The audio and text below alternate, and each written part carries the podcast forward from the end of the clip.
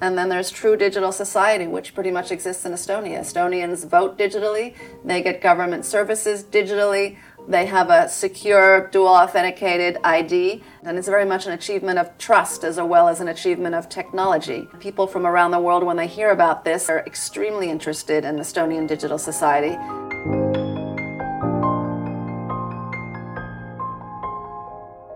Greetings from Tallinn. I'm your host, Rainer Sternfeld, and you're listening to the Global Estonians podcast, where our goal is to capture the stories of 100 remarkable Estonians and friends of Estonia around the world recording during their years around the first centenary of the Republic of Estonia between 2016 uh, to uh, 2022. You're listening to the 70th episode, which is kind of uh, unbelievable, to be honest, that we've made it so far, and uh, which means we only have 30 more stories left for you. And uh, every 10th episode we make is in English and is special in that we talk to someone who is either of Estonian descent or is a big friend of Estonia and is contributing to the success of Estonia um, today is the 7th of July, 2022, and my guest today is an American Estonian philanthropist and the president of Kistler Ritso Foundation, Sylvia Kistler Thompson. Sylvia was born in the United States to an Estonian mother, Olga Ritso, who was an eye doctor and we'll be talking about today, and a Swiss father, Walter Kistler, who was a precision instrumentation engineer. Um, and over the years, Sylvia and her husband, Andy Thompson, have been the champions and sponsors of Vabamu, where we are recording this, uh, the Museum of Occupations and Freedom based in Tallinn. Vabamu is the largest privately funded museum in Estonia, which was funded by um, the US based nonprofit civil society organization, the Kistler Ritso Foundation. And the foundation has made generous contributions uh, to the Stanford University Library and has supported Baltic studies at Stanford and elsewhere in the United States. The family has also supported projects, events, books, and films aimed at introducing Estonian culture and history such as Arvo Pärt's 2014 concert in Washington, D.C., uh, the book and film The Singing Revolution, and another film called To Breathe as One. Sylvia, welcome. Uh, it's an honor to have you on our podcast. Thank you very much, Rainer. It's an honor to be on your podcast. Let's start from the very beginning. Can you uh, give us a little bit of context of the environment you grew up in and how did that influence your later choices in life? I grew up as an only child of older parents. Uh, we had a very close, loving family, um, had a very happy childhood, very happy home life. So I'm sure that influenced me a lot, um, especially in having a family of my own later on. Um, we uh, started out in a suburb of Buffalo, New York for the 1st mm-hmm. nine years, and then moved to a suburb of Seattle. Uh, the schools there in the Seattle area were pretty basic public schools. Um, it was a very hard transition for me. I was bullied quite a bit for several years, which probably, I guess, helped get me more empathy later in life. Uh, but overall, was dominated by the home life of a very close family. Mm-hmm. What was the surrounding at home like? You you had an Estonian mother and a Swiss father, and again, you mentioned that you moved to Seattle. So, how, you know, what was what was that like? What were the things you would be talking about? What was like? What were the things that influenced your thinking? Let's see. My first language was actually Estonian. Um, we had, my mother worked as an ophthalmologist two and a half days a week, so we had a babysitter for the rest. And when I was very young, she was Estonian, and so I only spoke Estonian with my mother and my babysitter. But uh, when I was a year and a half old, the Estonian babysitter left, and we had a Polish babysitter. And then my mother said it was just too hard to keep up Estonian on her own. So I unfortunately lost my Estonian and uh, we spoke nothing but English at home after that. My parents both spoke perfect German, but they only spoke English at home, with a few exceptions of when they wanted to tell secrets that I wasn't supposed to hear. um, I was exposed to a lot of Estonian and also quite a bit of Swiss German, but I didn't actually learn any German until middle school. Mm-hmm. Um, the culture at home was European in many ways, though. Um, my parents, although they both held U.S. passports and U.S. passports only, always considered themselves as immigrants and would often say to me, oh, "We are immigrants, but you, you are the real American." Okay. However, I think the culture was still um, highly influenced uh, by them being both uh, from Europe. Mm-hmm. What were some of the biggest lessons you learned from from your parents? So the two most impar- important Um, I would say the first was the importance of a close, loving family.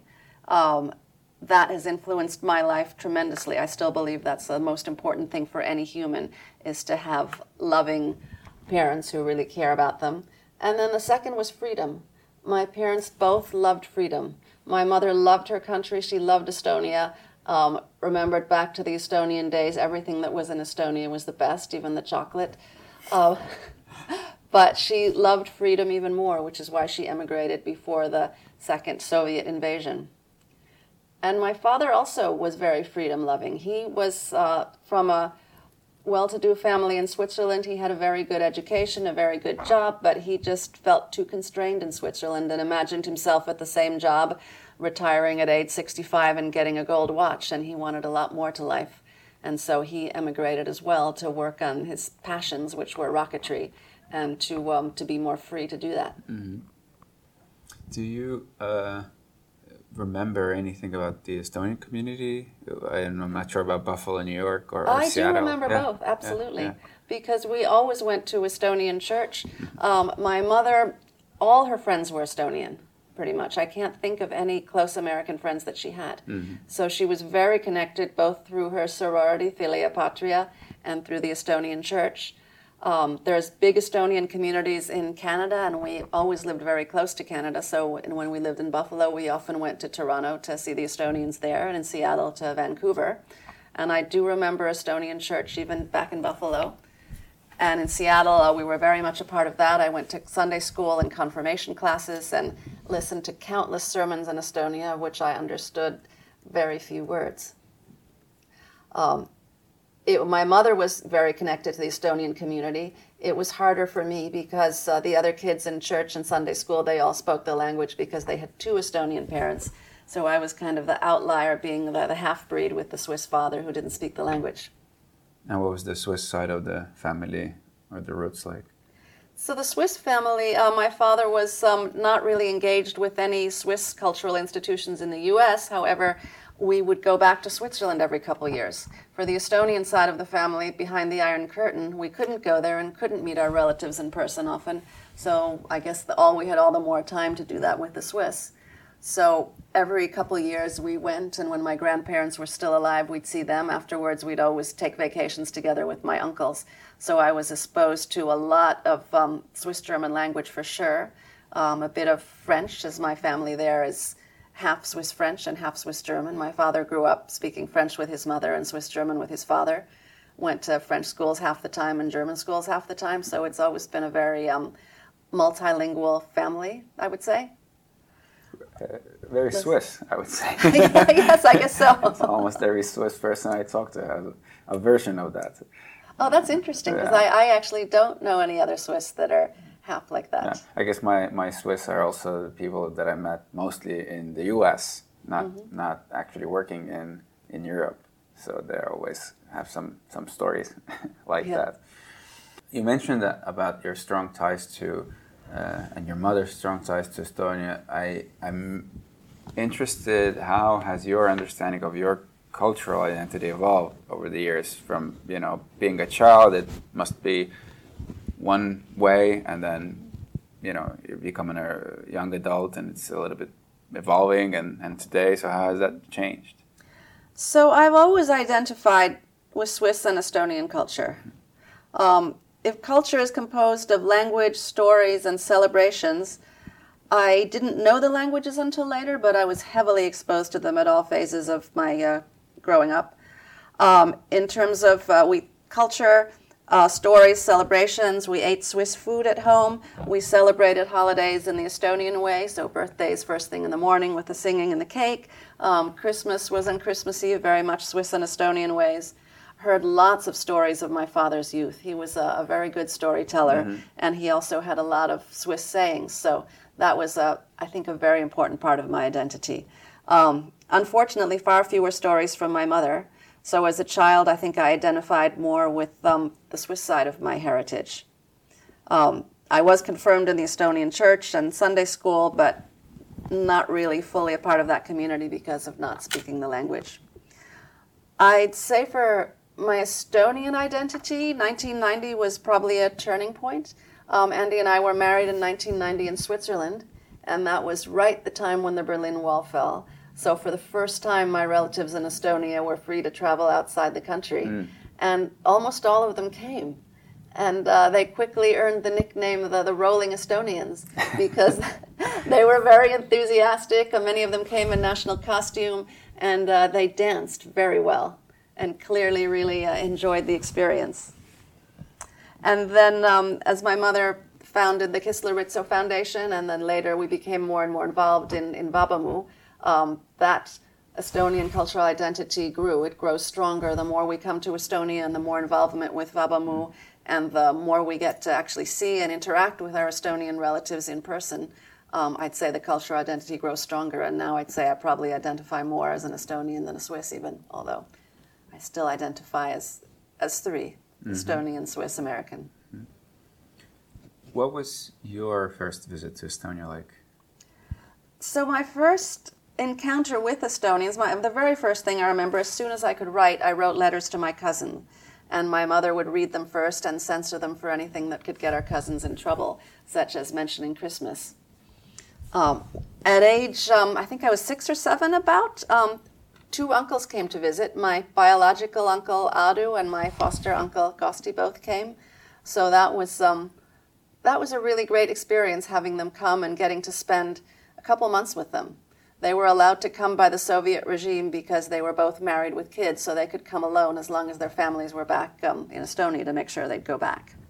And then, not that long thereafter, um, my aunt um, Jutta, my foster aunt, came to visit, who I grew very, very close with um, quite quickly when she stayed with us for a couple months. We, our first visit to Estonia was 1990, 1976 with my parents. So that was right after Nixon did the uh, detente. Mm-hmm. And my father really encouraged the visit. My mother was quite afraid. She was quite afraid that the Soviets would take her and keep her and not let her come back. But my father talked her into it, and so the three of us went to Estonia. Um, we weren't allowed to stay with relatives. We had to stay at the Hotel Viru. And now there's that um, exhibit on the top yeah. floor, the Hotel Viru. Well, we experienced all of that in our room.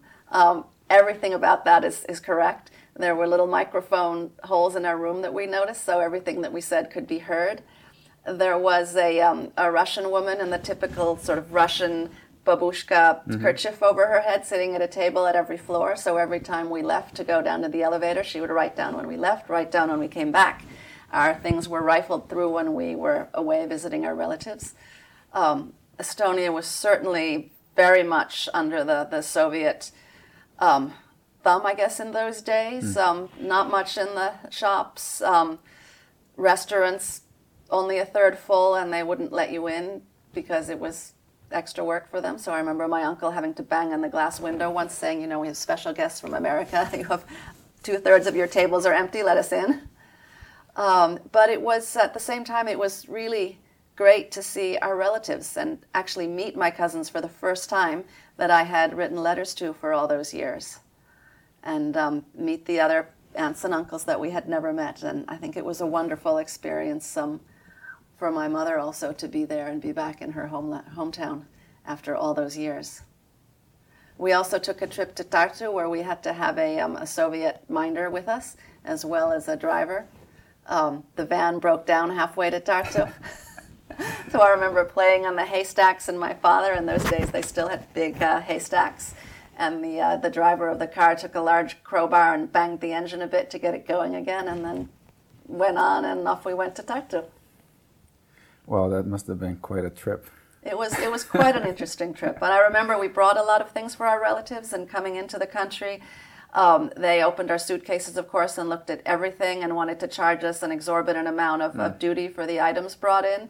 And at one point, my mother said, Well, this, you're charging us more in customs fees than this actually is worth. We'll just leave the fabric here with you. And then they decided to lower the, the duty. Um, they made us change dollars to rubles, but when going back, they would not change the unspent rubles back to dollars. The best we could do after a lot of negotiation with my parents was get Finnmarks for those rubles. Better than nothing, I guess. Yeah. I guess.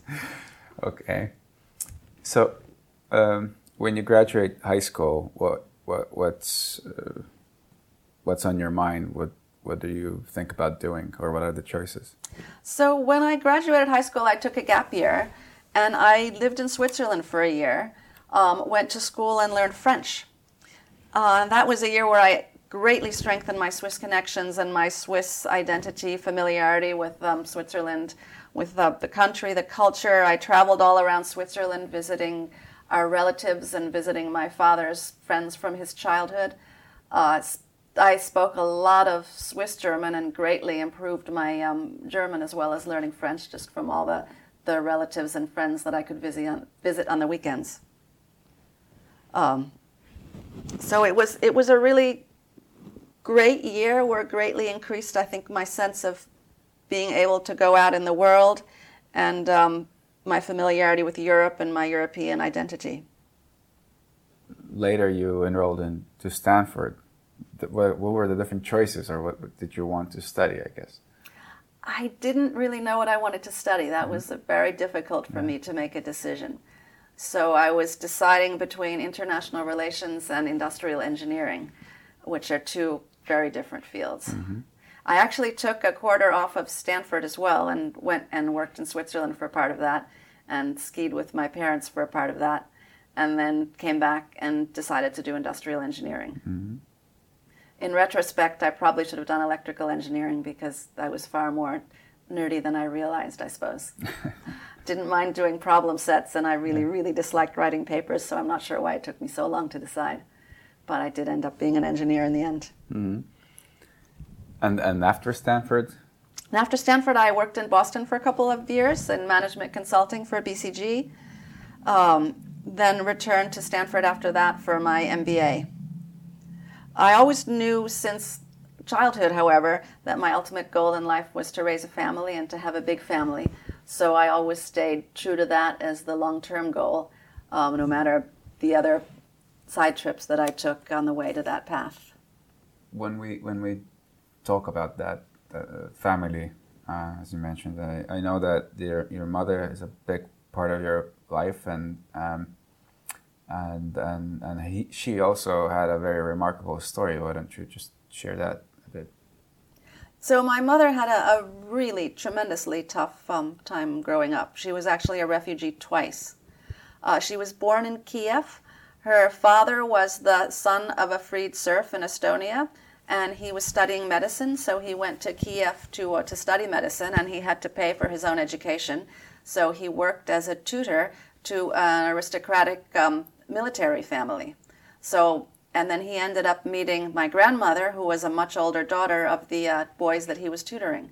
So they came from the exact opposite ends of the spectrum. My grandmother was the daughter of a, a czarist military general, and her father was one of the czar's godsons. And on my mother's side, um, my father's, her husband's side, um, she married the son of a freed serf who was a doctor.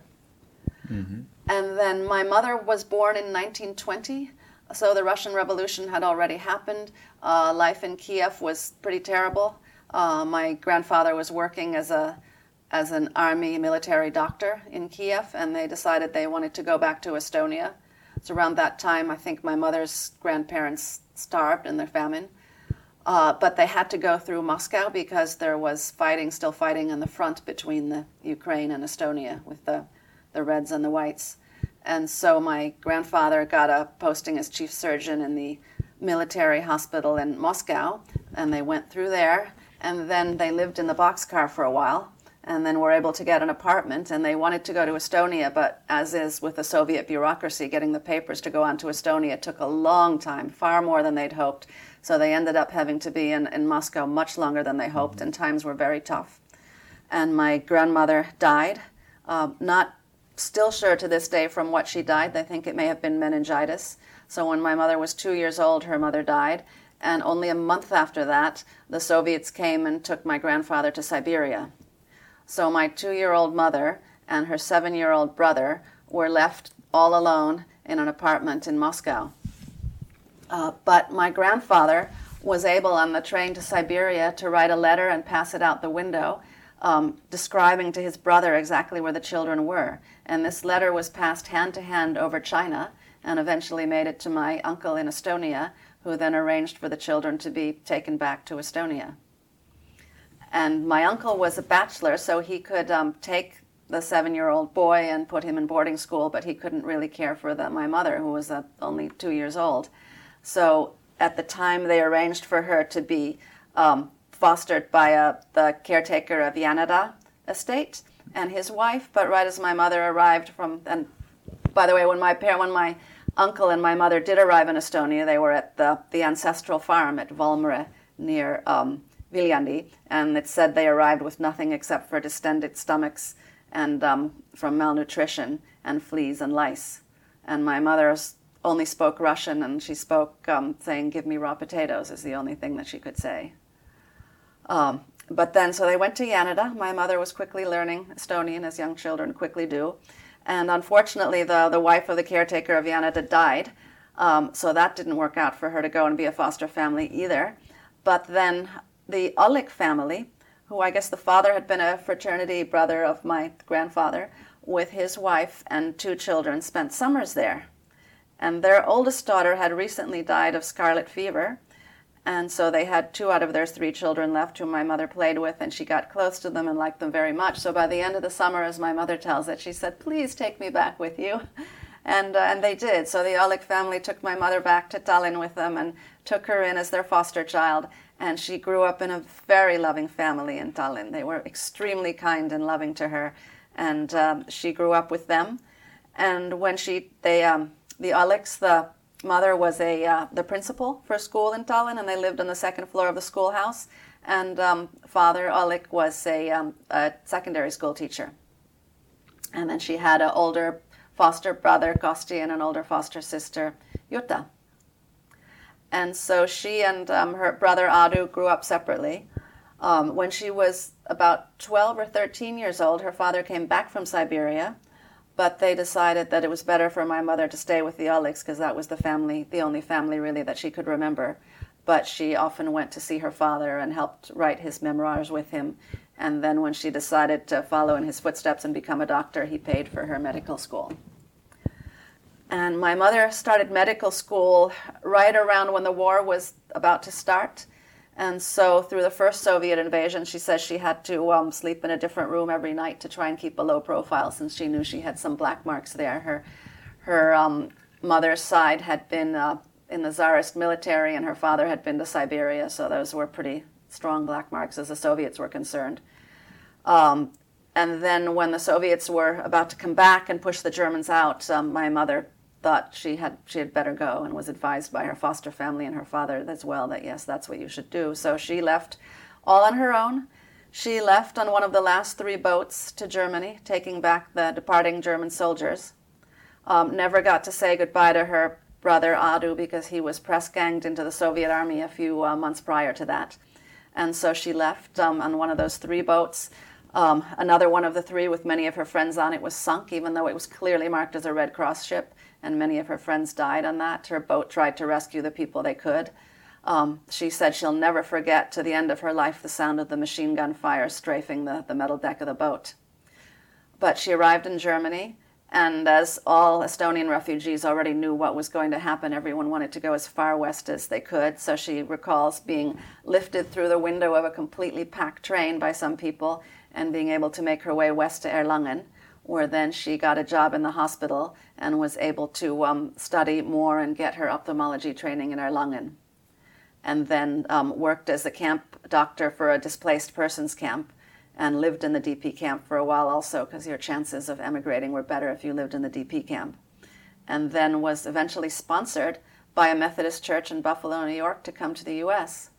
And so um, she was lucky to be able to, to go and then had to spend time there doing her exams all over again and repeating her residency and doing the residency all over again to get licensed in the state of New York.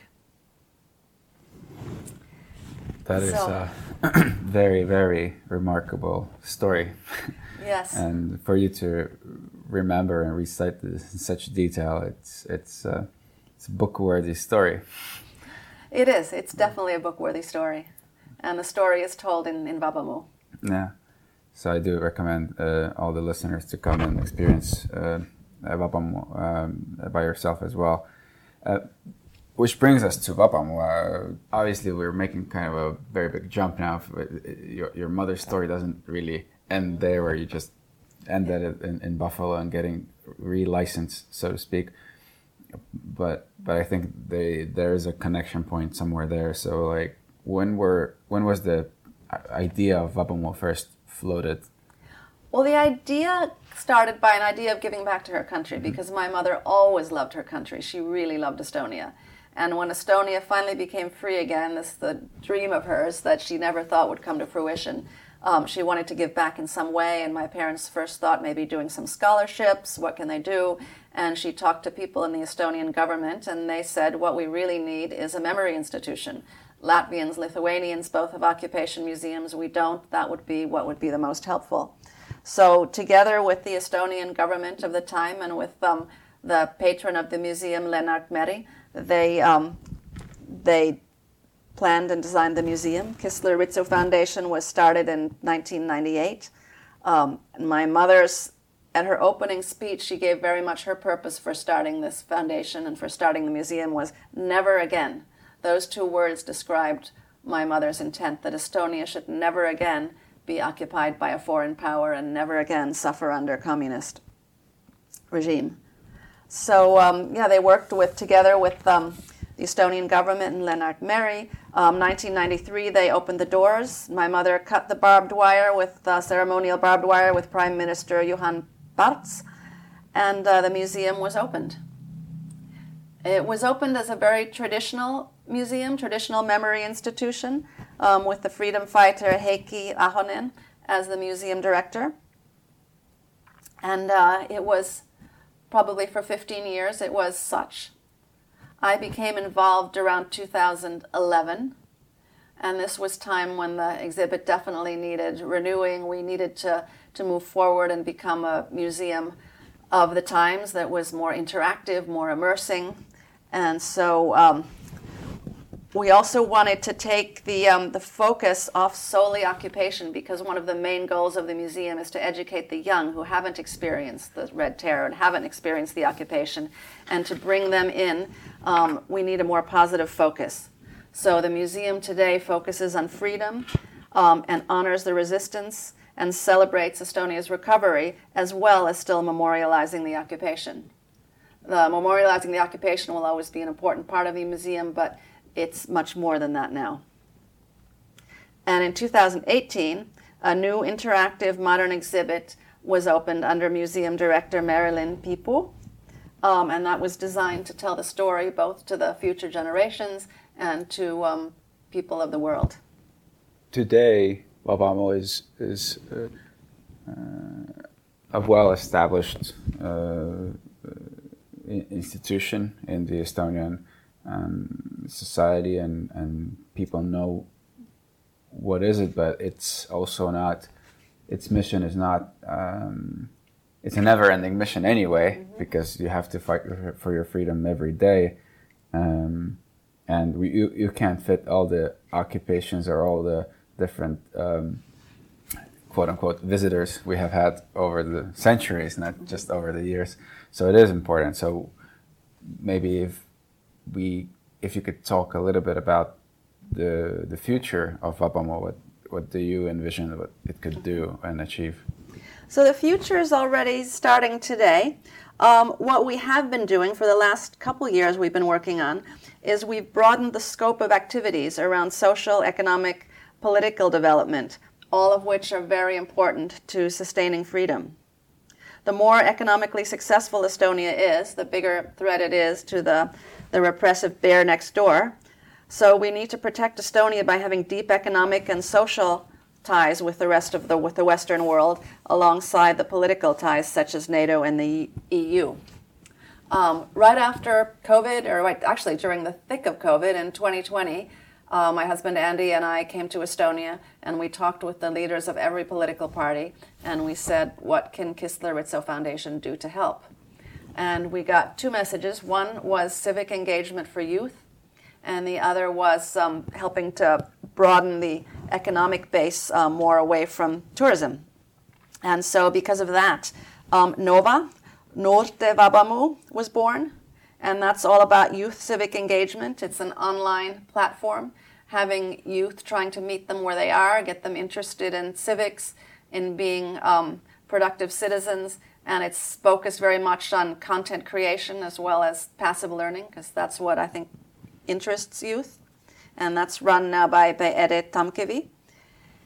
And also on the economic front, um, we're working on several things. And CDL Creative Destruction Lab, which has programs at probably about a, a, dozen or more major universities around the world. Um, we have now brought CDL to Tartu University, and we have CDL Estonia alongside CDL Paris and CDL Berlin and CDL Toronto and the other um, CDL campuses. Um, and this CDL is an accelerator, so it picks from the best startup companies. Startup companies apply, and um, it accepts a few of the best applicants to then have an intensive six month um, program where they gather mentors from around the world to really help those companies take off and um, get moving a lot um, quicker than they otherwise would. So that's coming to Estonia and Tartu. Um, we have a very close relationship with Stanford University. Um, and we're greatly enhancing that to have enhanced the connection between Stanford and Estonia.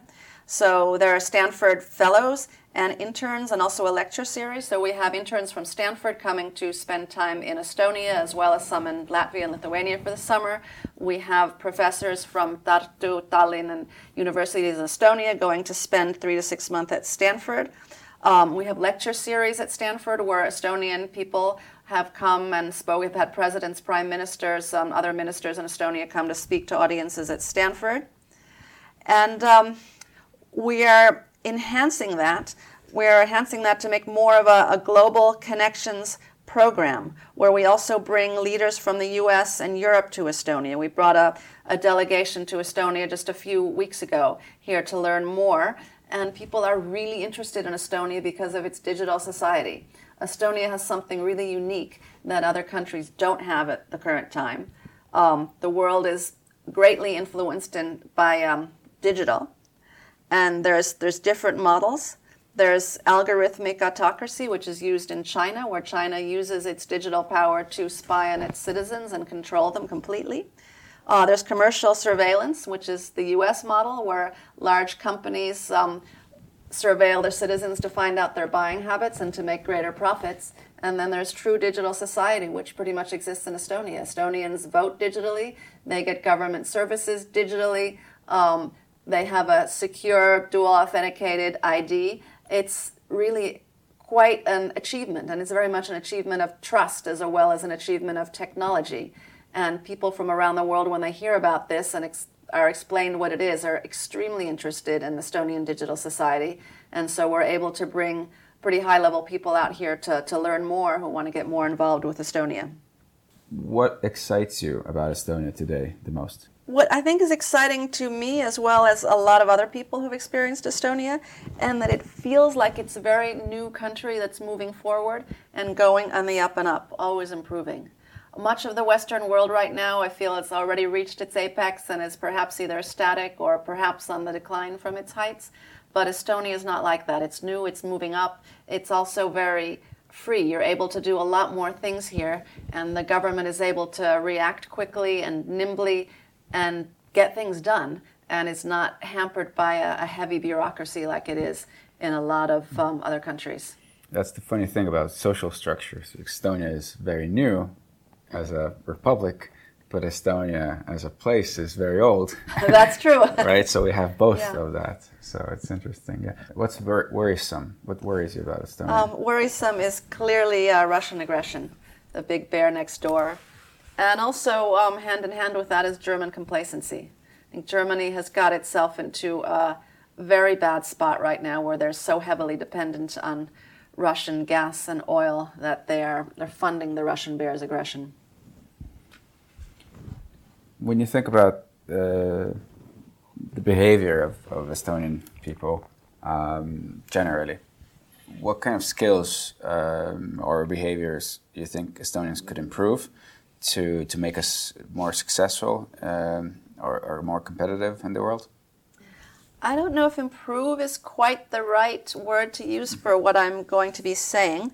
Um, I think Estonians are modest, humble, which are very admirable traits and traits that you definitely would like to find in a good friend.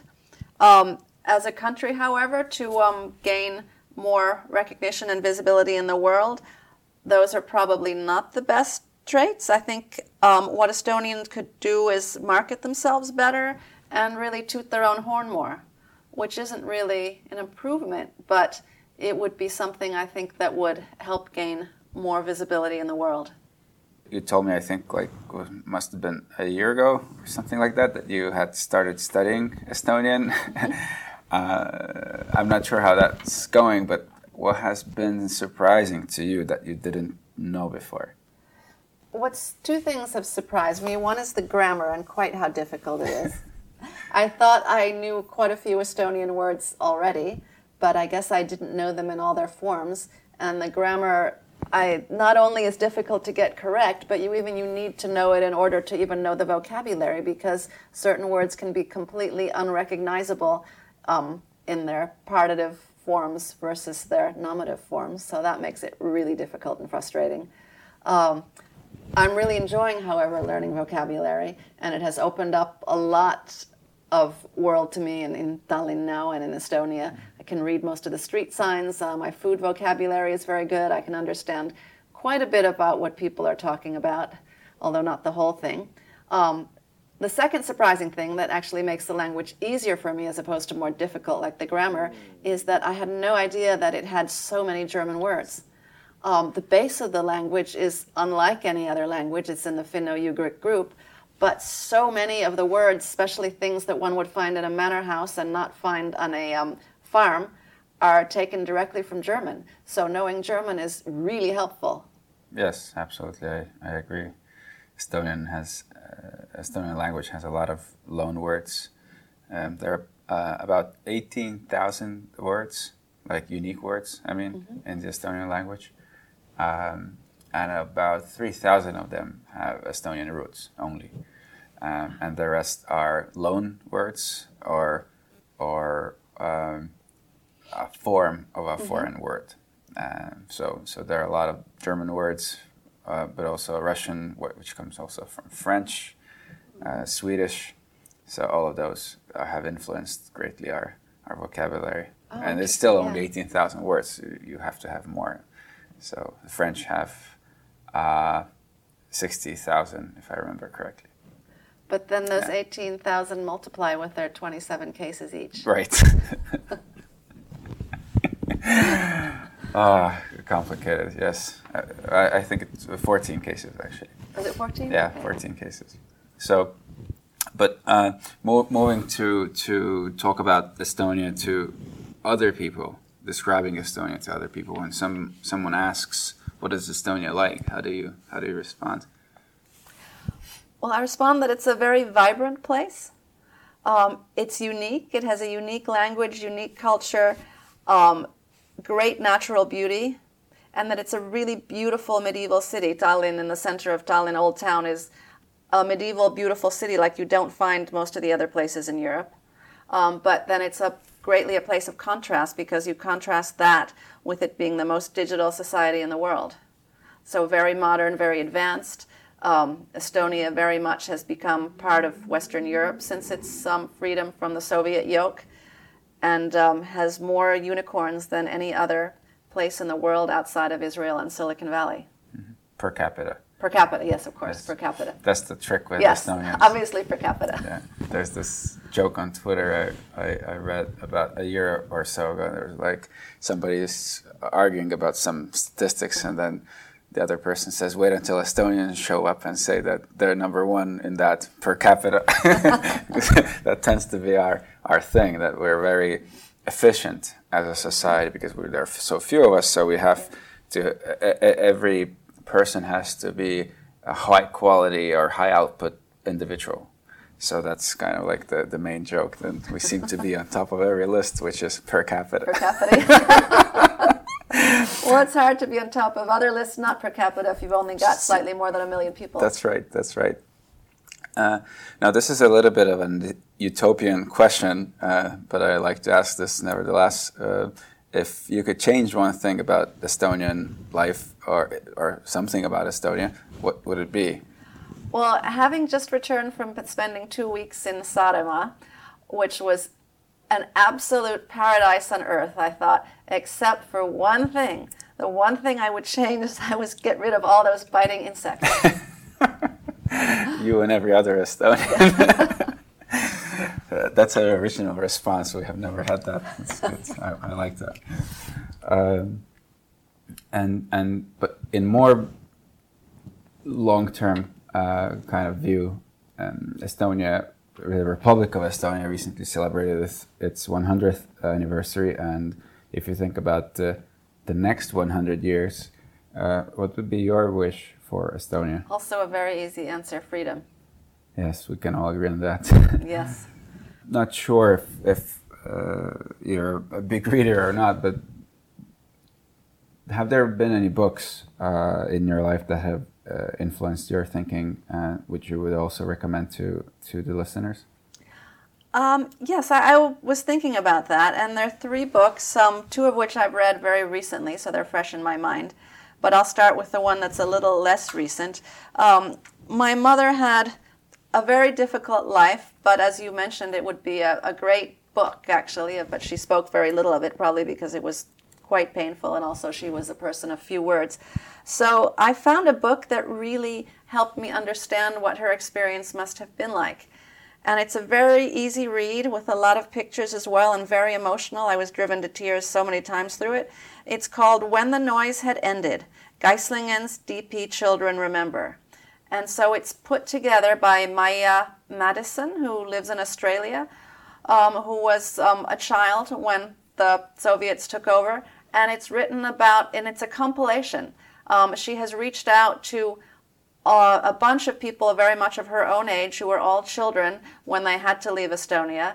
And they all were put in this. The largest DP camp for Estonians in the American section was in Geislingen, a town at the foothills of the um, of the German Alps. The I guess the Americans kicked all the Germans out of their home and put the Ameri- the Estonians in there. And so it's memoirs from these people as children, along with pictures. Um, some very just tragic stories of losing family members on the way and how hard it was to leave Estonia and be on some of these boats, some of which sank. Um, stories about then they how they all knew that um, the only hope was on the west side. Nobody wanted to be in the Russian um, quadrant when Germany was divided and be sent back and probably tortured or sent to Siberia. Um, people didn't really want to be in the French or the English ones either. They were pretty harsh. But the American side is where everybody wanted to be. So there's stories like children with their mother. The father had either stayed back to fight in the country or had been taken to Siberia already. So it was mothers with children where they would be traveling by night across Germany um, to avoid the bombs in the daytime, gleaning the potatoes that the farmers missed in the fields to try and eat and stay alive, carrying like their only suitcase and carrying the baby and making their way across to get to the American section. And then once they got to Geislingen, they had this nice little life. Um, their parents created Mini Estonia for them. Um, the people that were there, the adults were, they were teachers, they were concert composers, um, every profession you can imagine. So the kids had for maybe three, four years a sort of little Estonian life in Geislingen where they went to school, they went to piano lessons, they went to choir practice, they celebrated their holidays, and then, of course, all splitting up because everybody had to be sponsored to go elsewhere, and everyone wanted to go to America, but not everyone could.